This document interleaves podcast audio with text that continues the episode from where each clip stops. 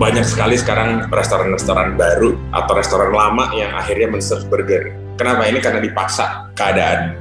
Lo butuh makan daging cepat, bentuknya harus compact, bisa dibungkus, dan kalau dibawa ke rumah rasanya nggak berubah. Kamu lagi mendengarkan Good Talk bersama saya Mario Patrick with Roni Pramaditya. Hey good friends, kita kembali lagi di Good Talk bersama saya Mario Patrick dan episode ini akan seru banget sih ya, seperti biasa. Kalau yang satu ini tuh gue bisa lebih relate bukan karena gue udah kenal lama sama orang ini, tapi gue bisa dibilang adalah penikmat setia burgernya. Aduh gue starstruck nih.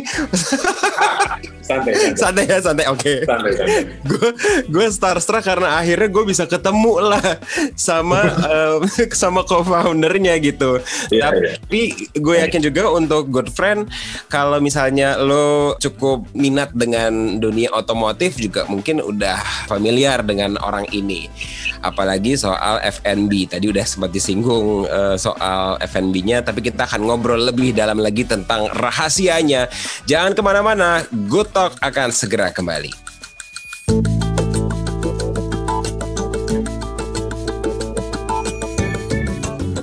Kita kembali lagi di Good barengan sama saya nih Mario Patrick ya, good friend dan itu dia kalau misalnya tadi gue udah sempat bilang gitu kalau lo adalah seorang pencinta otomotif udah nggak asing banget kalau kita nyebutnya adalah lawless ya. Jadi uh, jujur kalau buat gue personal karena gue orangnya bodoh banget urusan otomotif, jadi gue lebih ke burgernya, ke F&B-nya gitu. Hari ini kita akan ngobrol sama Roni Pramaditya. Ron, apa kabar Ron? Baik Mario, thank you. Thank you. Terima kasih. It's a, such, such an honor ada diundang di sini. Thank you. Wah, Terima kasih.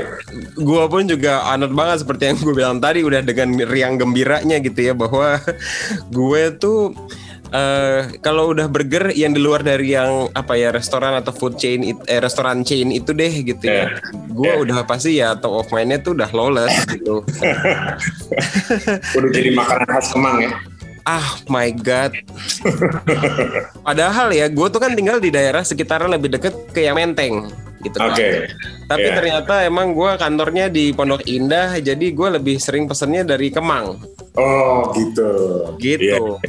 Oke, okay. uh, eh, banyak banget yang harus ditanyakan gitu. Tapi mungkin kita ngomongnya okay. dari bagian yang justru gue belum tahu dulu nih Ron gitu okay. soal si uh, per otomotifan gitu munculnya Lawless tuh awalnya ya karena okay. kecintaan lo sama motor atau gimana? Nah gini, jadi sebetulnya uh, Lawless itu awalnya adalah clothing company ya.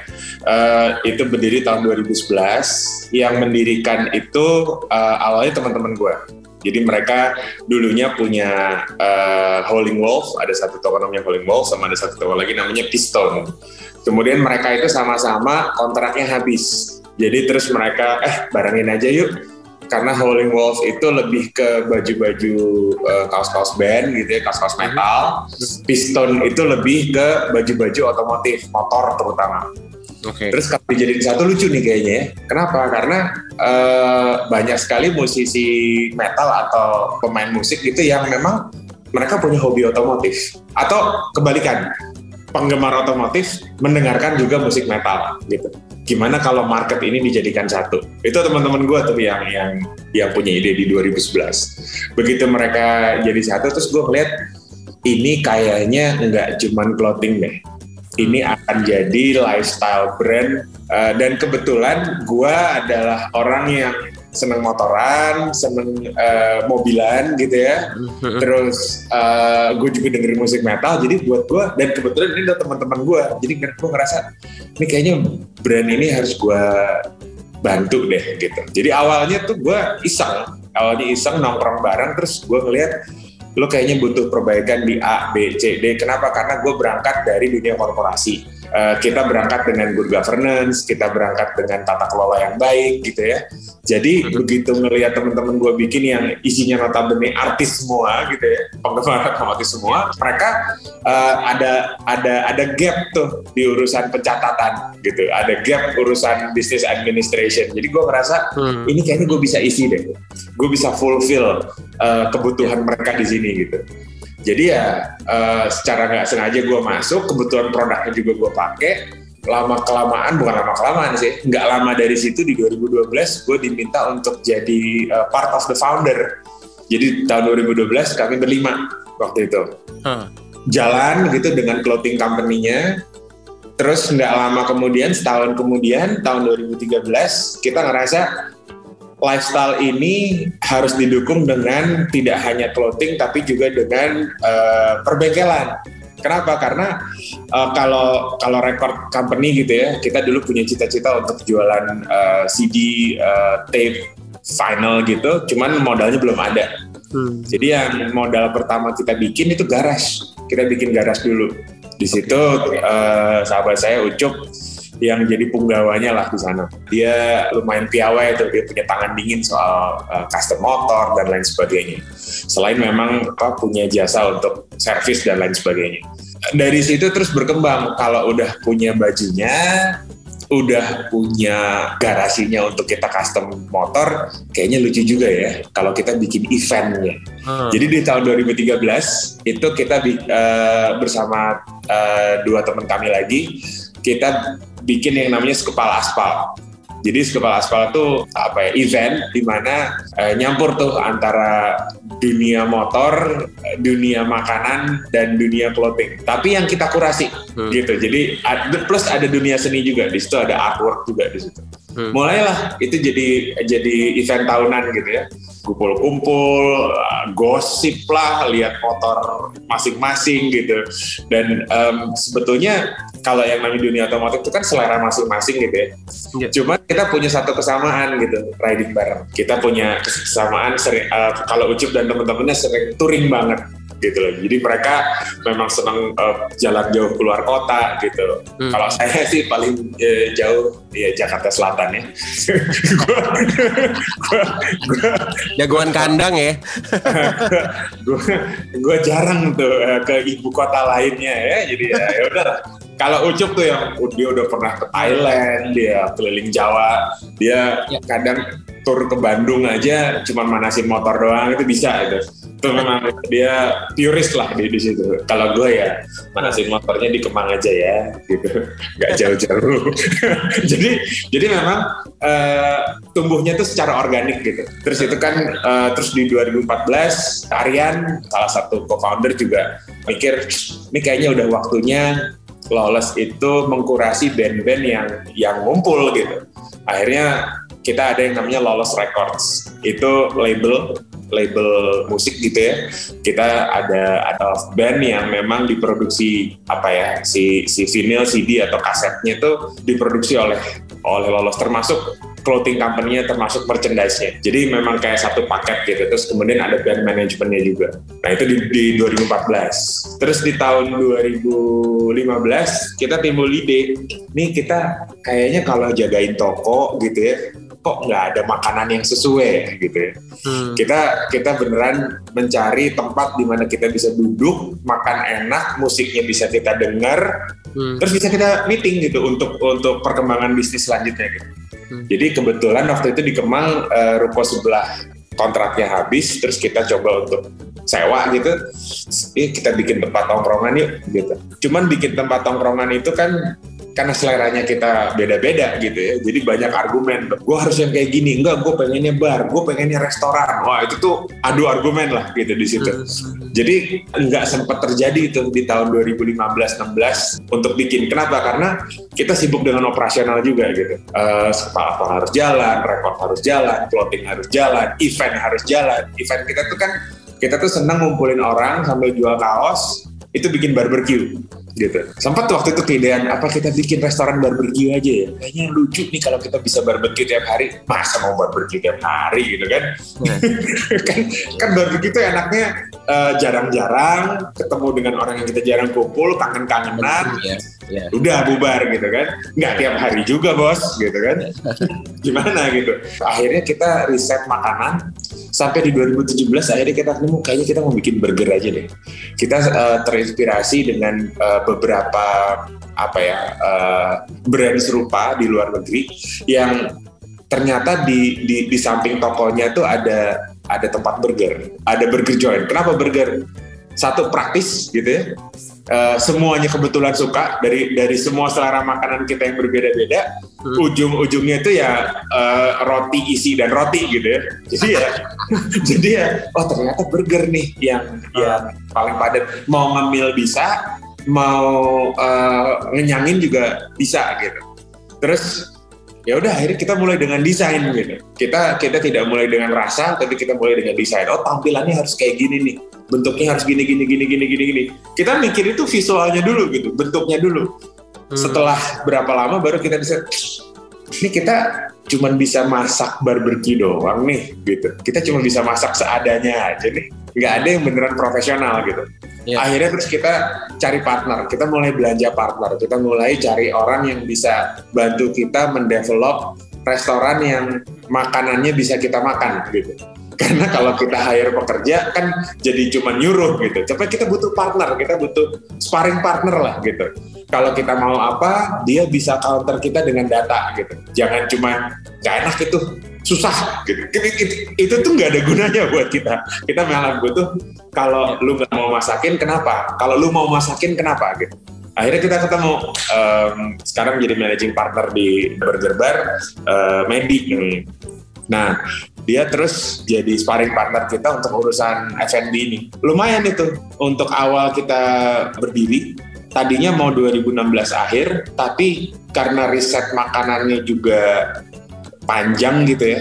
Uh, kita banyak adu argumen soal rasa, soal bentuk, soal size, soal soal pricing gitu sampai akhirnya kita baru bisa buka di Oktober 2017. Okay. Di situ kita ngerasa bahwa this is the perfect spot untuk kita nangkring. Kita udah set, wah gue bakal duduk di sini, kalau nanti meeting bakal gini, gini, gini, gini, gini, udah ya. Nah. Apakah ini buka untuk publik? Boleh deh buat ini apa orang yang kalau lagi mau beli clothing, mereka bisa nunggu kan soalnya market clothing kita ini dari usia dini eh, apa usia 15 tahun sampai umur 35 tahun. Ya. Nah, untuk untuk teman-teman yang masih sekolah atau masih kuliah, itu kadang suka diantar oleh orang tuanya. Jadi kadang mereka anaknya yang milih clothing, orang tuanya nungguin aja gitu. Kan kasihan ya. Lebih baik kalau kalau kalau dia nunggu ada tempat buat nunggu gitu. Ya udah disilakan aja ditungguin bareng kita kita tapi lama kelamaan gue juga susah tuh untuk nyari tempat di, di restoran kita sendiri jadi waktu itu rukonya cuma oh. dua lantai kan.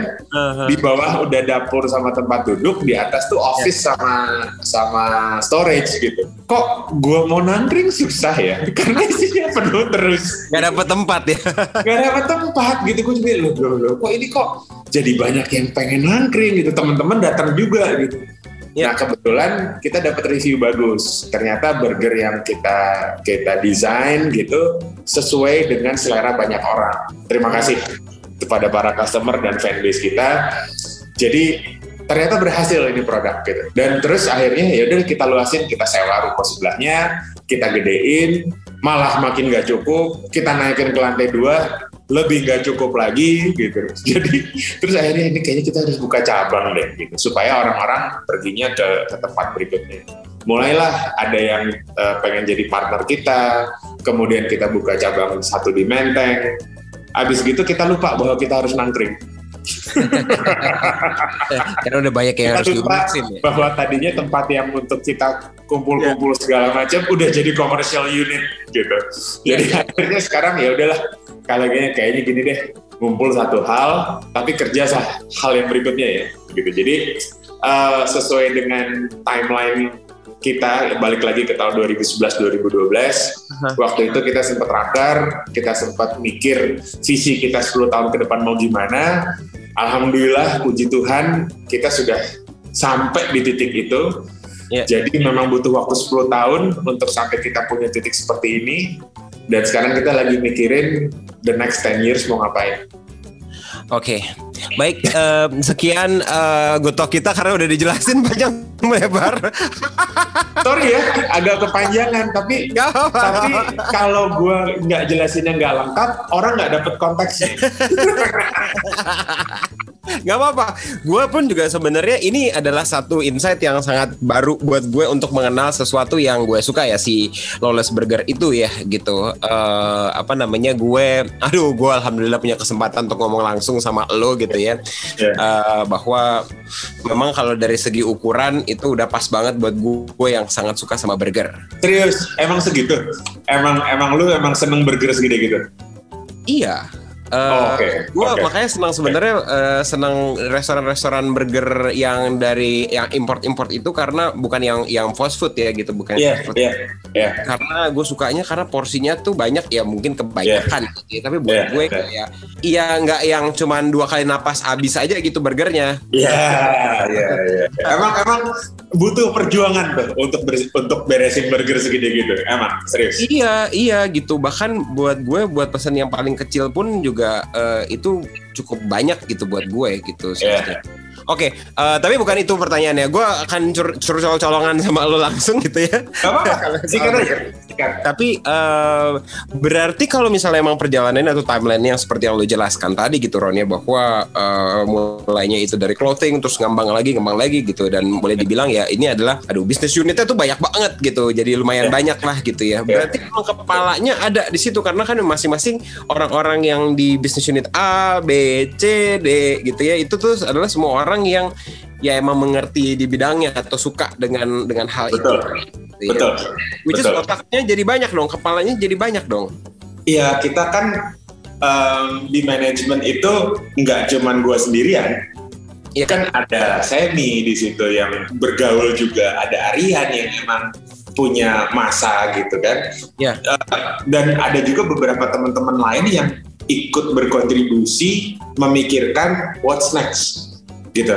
Jadi hmm. kalau untuk um, uh, siapa kepalanya di masing-masing, kita hire profesional memang. Di di di di, di burger itu uh, outlet manager itu memang profesional pada bidangnya gitu. Cuman memang untuk pengembangan bisnis harus teman-teman sih kalau kalau dari kami. Kenapa? Karena bisnis itu buat kami yang di lifestyle enggak hanya men-serve market terbesar gitu, tapi juga men-serve kita sendiri. What do we want? What do we need? Gitu. Yeah. Dan kasarnya gini deh, uh, masalah apa yang ingin gue pecahkan hari ini gitu. Kayak kalau kayak di clothing, gue nggak pernah nemu tuh kaos yang bisa gue pakai dan gue bangga kalau gue beli dari orang. Gitu. Kecuali kaos band, karena bandnya gue seneng gitu. Yeah, yeah. Tapi kalau kaos yang mencerminkan perasaan gue hari ini gitu, itu mana ya? Hari ini. Paling main warna gitu kan. Paling main main corak gitu. Tapi kalau gue beli salah apa kita sering lihat di TV ada perpecahan di mana gitu. Terus gue kayak aduh masih gini-gini amat nih orang gitu ya. Terus gue jadi pakai baju yang lolos yang Pistru Kalashnikov. Kenapa? Karena buat buat gue itu kayak kayak ngomongin oh lu damai tapi lu harus punya senjata ya. Itu itu, itu quote unquote sesuatu message yang ingin gue kirimkan ke orang yang gue temuin hari itu gitu. Misalnya ya misalnya. Ya.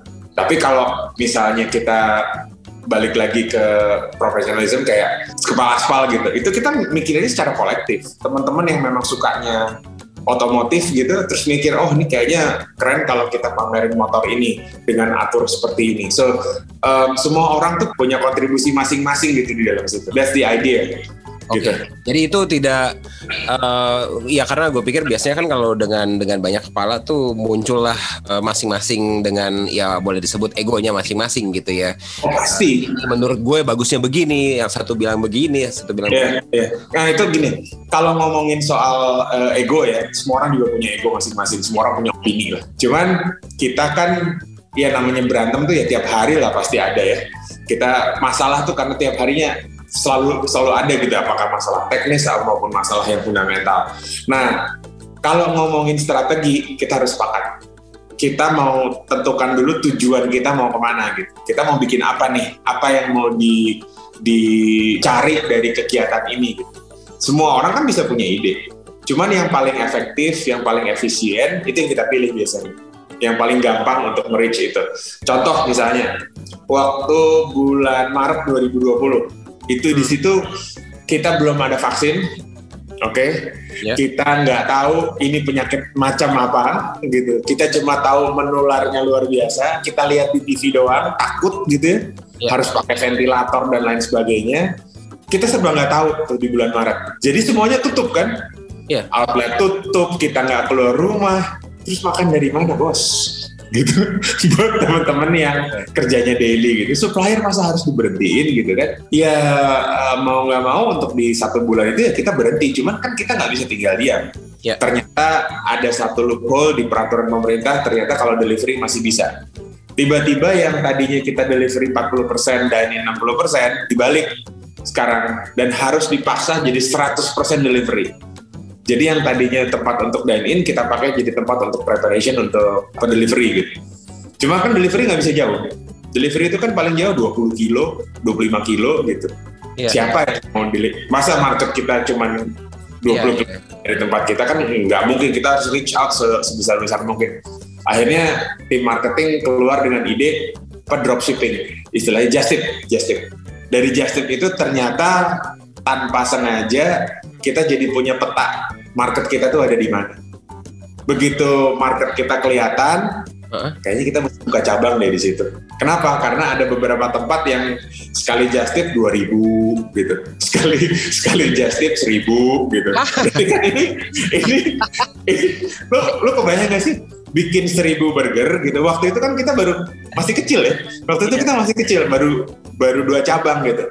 Wah ini nggak mungkin sih outlet yang bisa menuhin gitu. Lo kebayang nggak? Coba lo masak burger eh, 2000 pieces gitu sekali aja coba kalau Iya, nggak iya, iya, iya. gitu kan lu mesti dipijetin tuh kan ambil nah jadi akhirnya kita nyari cara gimana caranya kita bisa memproduksi burger dengan lebih efisien bumbu dengan lebih cepat so kepala beda itu penting gitu menurut gua karena ide itu nggak datang dari manajemen tapi dari satu aspek aja eh ini ada orang minta just tip ya. deh. bisa nih kayaknya kita jadi tapi itu jadi merubah keputusan manajemen kan Ya. asal manajemennya mau dengerin ya kadang banyak perusahaan yang didengerin dari bawah sok tahu kamu. Gitu. Kamu kan anak baru. Iya iya iya. Apa, tapi terjadi. kebetulan kebetulan kita semua nggak ada yang kayak gitu. Kita semua rata-rata bukan dari dunia F&B jadi melihat sesuatu yang aneh yang nyeleneh itu kita eh, bukan bodoh amat tapi lebih nggak tahu. Jadi lebih ke ah cobain aja deh ntar kalau gagal ya udah gitu. Jadi lebih ke punya attitude itu loh untuk ke sana gue Eh, juga termasuk gue juga termasuk orang yang men gue belum pernah masuk ke barnya gitu ke restorannya tuh gue belum pernah. Selalu order online gitu oke. Ya selalu order online. Eh, padahal emang di salah satu wawancara pun juga lo dan Semi juga pernah bilang bahwa yang lo jual itu adalah experience-nya. Iya. Eh, bahwa dengan situasi yang sangat rock and roll gitu atau metal atau ya itulah gitu ya aliran cadas itu dan otomotif. Iya itulah yang sebenarnya kan menjadi salah satu yang kalian unggulkan gitu, yang lolos unggulkan gitu. Tapi Hmm. memang dengan sekarang situasi yang berubah itu, jadi akhirnya experience-nya masih adakah atau uh, perubahan strateginya? Nah, jadi gini, kadang experience itu ketika kita eh, jadi gini, salah satu ciri khasnya lolos itu adalah nempelin stiker. Jadi kalau lihat lo lihat Instagram di kita gitu ya, atau Instagram orang-orang yang datang, banyak sebelum pandemi itu orang kalau datang itu selfie di WC. Kenapa selfie di WC? Karena WC kita itu di dindingnya itu dihiasi oleh stiker-stiker yang bukan datang dari kita, tapi datangnya dari customer. Customer punya produk clothing gitu, tempel ceplok gitu. Punya band, tempel ceplok, ceplok, ceplok. Jadi kadang kadang ada juga yang orang biasa nggak punya apa-apa tapi dia punya stiker bagus tempel gitu. Lucu-lucu stikernya lucu-lucu gitu. Dan apa ya mocking lah gitu mocking mocking the the uh, this apa the scene lah. Jadi kebanyakan orang-orang tuh selfie di WC gitu. Selfie di toilet. Gitu. Dan itu menjadi daya tarik. Nah kalau ketika pandemi kan nggak bisa tuh orang datang ke toilet. Jadi kita kirimkan stikernya kita punya waktu itu untuk khusus uh, seri pandemi kita ada stiker gitu ya yang uh, stay safe gitu ya apa segala macam tapi ala kita gitu dengan harapan ya lu tempel aja di WC lu sendiri deh gitu. Wow, itu maksudnya Jadi- untuk brandingan lo tuh bagus banget ya to keep it keep in mind gitu soal Iya. Ya, terus um, um, uh, sering uh, apa teman-teman gue gitu ya uh, lewat either uh, akun IG-nya Lawless atau mereka pribadi mereka posting lagu-lagu yang mereka lagi dengerin. Uh, kemudian playlist itu kan kalau di kalau di Spotify itu bisa di follow. Jadi kadang ada orang yang follow uh, uh, playlistnya si Lawless untuk dengerin di rumah sambil makan. Jadi kadang ada orang yang ngerti bahwa ini harus di, di experience dengan fulfill gitu ya. Jadi mereka kadang selfie, kadang mereka sekarang sih tiktokan gitu ya tapi kalau kemarin-kemarin ya mereka masukin di IG story beserta dengan musik-musiknya gitu. Wah, I lost word loh gitu maksudnya. Apa? Bener sih gitu bahwa soal how to keep your brand di orang yang yang memang udah jadi jadi konsumen setia gitu, udah jadi pelanggan. Yeah. Uh, dan it, it's uh, dua dari mungkin pasti ada lagi hal-hal lain yang lo lakukan gitu untuk yeah. masa pandemi ini gitu. Tapi dua yeah. hal itu buat gue adalah satu breakthrough yang kayak man never thought of that gitu ya bahwa lo bisa main dari playlist lo bisa main dari uh, stiker uh, stiker stiker yang tempel gitu kan gue inget dulu kalau zaman zaman kita sekolah kan pasti ngeband ya gitu. Kalau di yeah, yeah, yeah. banget stiker gitu ya. Yeah, yeah. band-band apalah band-band indie yang ya yeah, exactly itu exactly. Kita kita me, me, me, membangun kembali suasana itu di tempat tongkrongan kita ini. Cuma karena tongkrongannya sekarang terbatas tergantung level PPKM, kadang 25, kadang 50, kadang 75. Ya. Jadi ya harus menyesuaikan dong gitu. Iya, betul. Ya, menyesuaikannya lewat sosial media. Kita sekarang ada podcast juga kalau pengen dengerin gimana kita ngobrol gitu kadang kita juga ngobrol ngalor ngidul atau ya lewat wawancara-wawancara kayak gini ya, ya.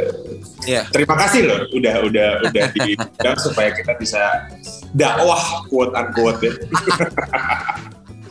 Oke, oke. Eh, gue punya satu lagi pertanyaan Pak Mungkas yang akan gue tanyain sama lo.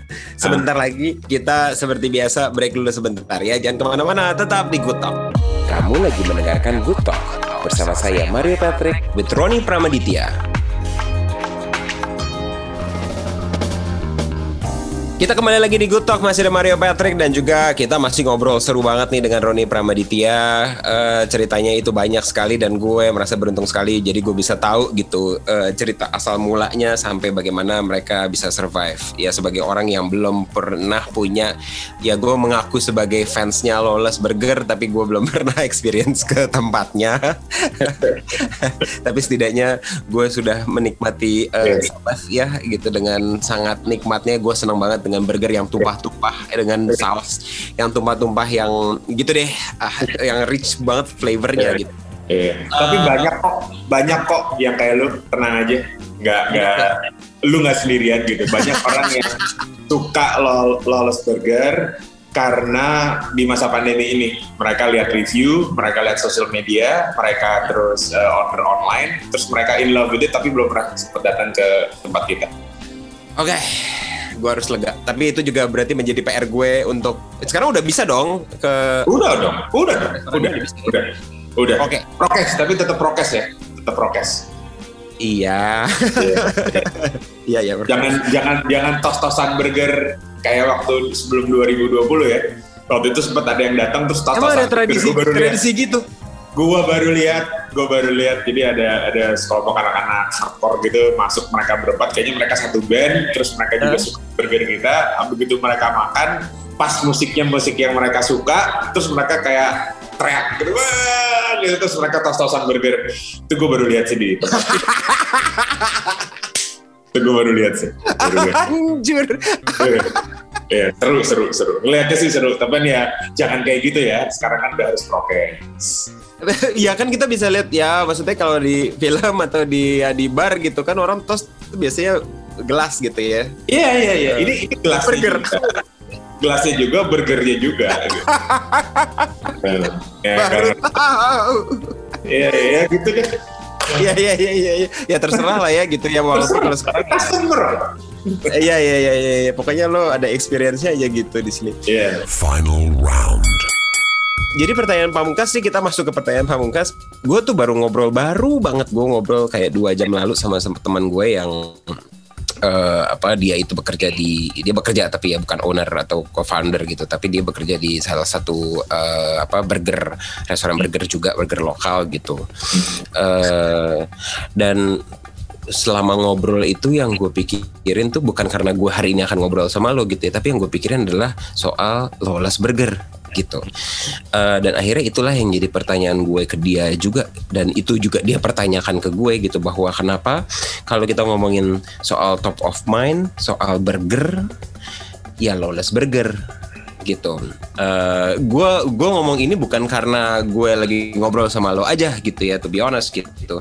Uh, burger lokal yang memang akhirnya uh, men, apa besar gitu ya kalau menurut gue ya cuma dua ya Lola sama satu lagi yang warna-warni. Kita kita boleh nggak sih nyebut ini gitu ya?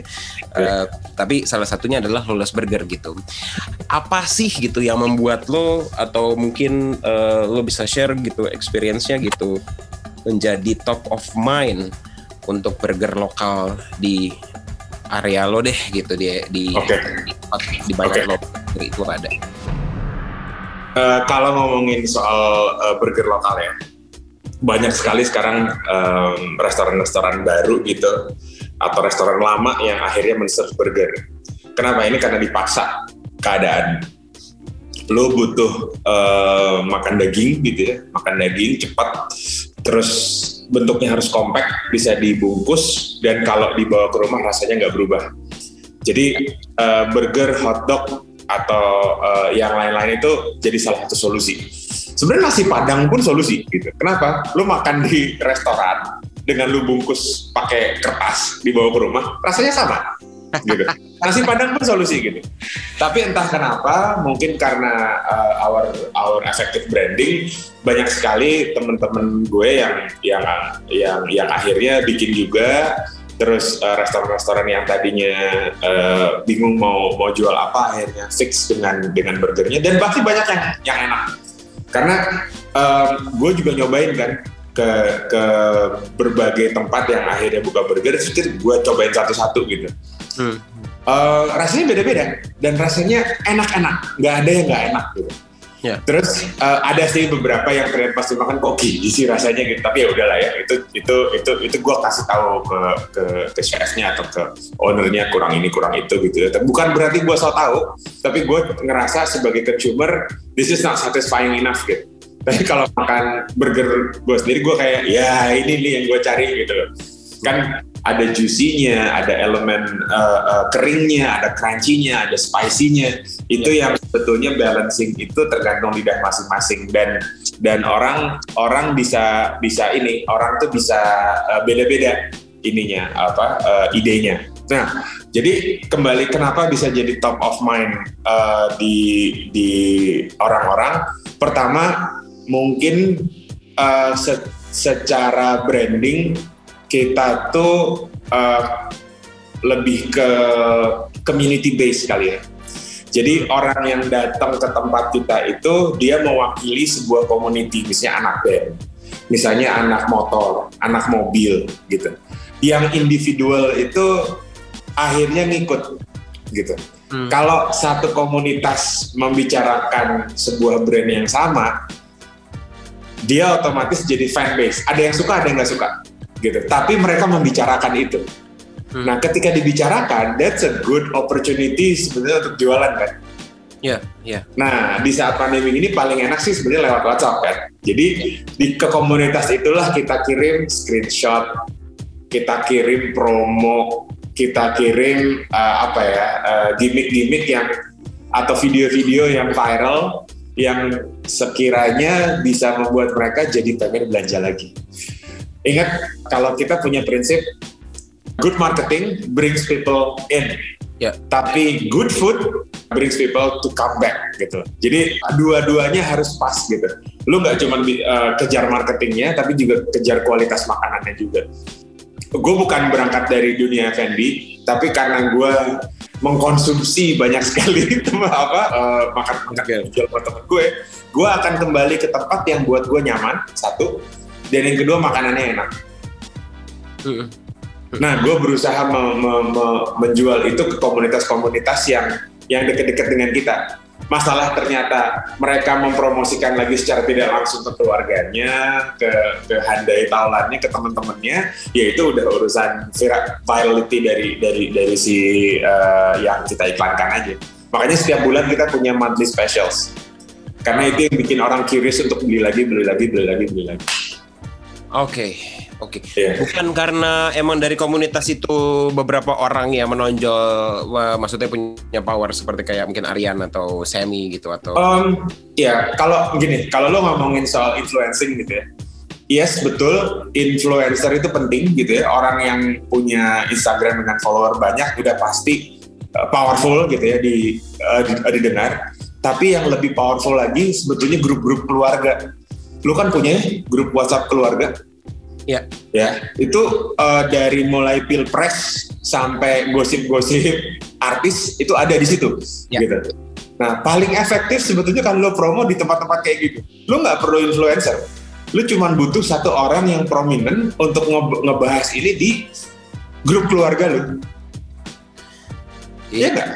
Kalau lu lihat grup-grup SMA gitu ya, grup kuliah gitu, lu punya satu orang yang selalu posting yang receh, ada yang selalu posting yang aneh-aneh gitu. Tapi ada juga posting yang ajib, postingannya berkualitas. Nah, lu cuman butuh ngetek orang seperti itu untuk masuk ke komunitasnya.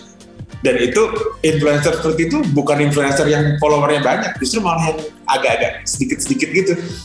Cuman dia di komunitasnya quote unquote megang lah gitu. Kan kan itu itu itu itu niche market loh itu itu niche market gitu. Kayak misalnya orang yang punya BMW gitu. Ya baik motor maupun mobil ya kan pasti punya satu orang yang wah ini abang-abangannya nih gitu. Ya itu. Yang jadi yang itu gitu. Oke, okay. berarti orang-orang yang ada di uh, Lawless Burger ini semua punya kewajiban untuk share di grup WhatsApp-nya masing-masing ya? Iya, secara nggak langsung dong, gitu. Iya, iya. That goes without saying, lu mau lu mau laku nggak bulan ini gitu, lu mau gas dan nggak sharing dong gitu. Gimana sih? Iya, iya, iya. kan kita dari dari hasil jualan kalau lu nggak promo ya kita jualan. Oke. Oke, uh, tuh kan gue padahal tadi gue bilang pertanyaan pamungkas nih satu pertanyaan terakhir sekarang jadi tiga nih total pertanyaan karena curiosity gue tinggi banget gitu. Thank you so much uh, udah sharing sama kita di sini di Good Talk. Yeah. Uh, insightnya banyak banget gitu yeah. dan juga bisa menginspirasi banget gitu untuk teman-teman yeah. yang saya uh, FNB apalagi juga sekarang kita we are gue lebih prefer untuk menyebutnya we are celebrating the rise of UMKM lah gitu ya. Uh, yeah. di di masa pandemi ini gitu by going digital gitu dan dan nggak perlu merasa malu atau merasa takut gitu karena uh, all chains are doing that gitu uh, going digital even kemarin di Bali pun juga gue melihat tulisan besar-besar Hard Rock Cafe memilih apa mempunyai apa Hard Rock Cafe bisa dipesan melalui uh, GrabFood atau di Gojek gitu. Yeah. Gue kayak wow, they yeah juga kok gitu ya. Iya. International restaurant chain yang ada di seluruh dunia gitu. They're doing that juga masuk dalam. Eh. Jadi you are not the you're not the only one and keep fighting sih. Oke, oke. Okay. Uh, thank you so much uh, sekali lagi untuk Roni dan juga untuk yeah. Good Friends. Jangan lupa untuk selalu dengerin Good Talk setiap hari Senin sampai dengan hari Jumat jam 10 pagi sampai dengan jam 4 sore di Delta FM, Bahana FM dan juga Female Radio. Untuk full podcastnya bisa didengarkan di Spotify Masima Podcast. Mario Patrick undur diri dan kita ketemu di Good Talk selanjutnya kita kan seneng berandai-andai ya bos. Andai aku jadi apa andai aku jadi apa gitu kan. Sering tuh kan itu dipakai di dalam bisnis. Jadi kita berhayal itu hampir tiap hari. Kenapa? Karena kita R&D pun setiap hari. R&D makanan. Kan kita harus punya menu bulanan dong. Dan itu kan nggak bisa sebulan eh R&D buat menu berikutnya nggak mungkin. Nah, penasaran kan Good Friends? Tungguin ya, cuma di Good Talk. Terima kasih sudah mendengarkan Good Talk.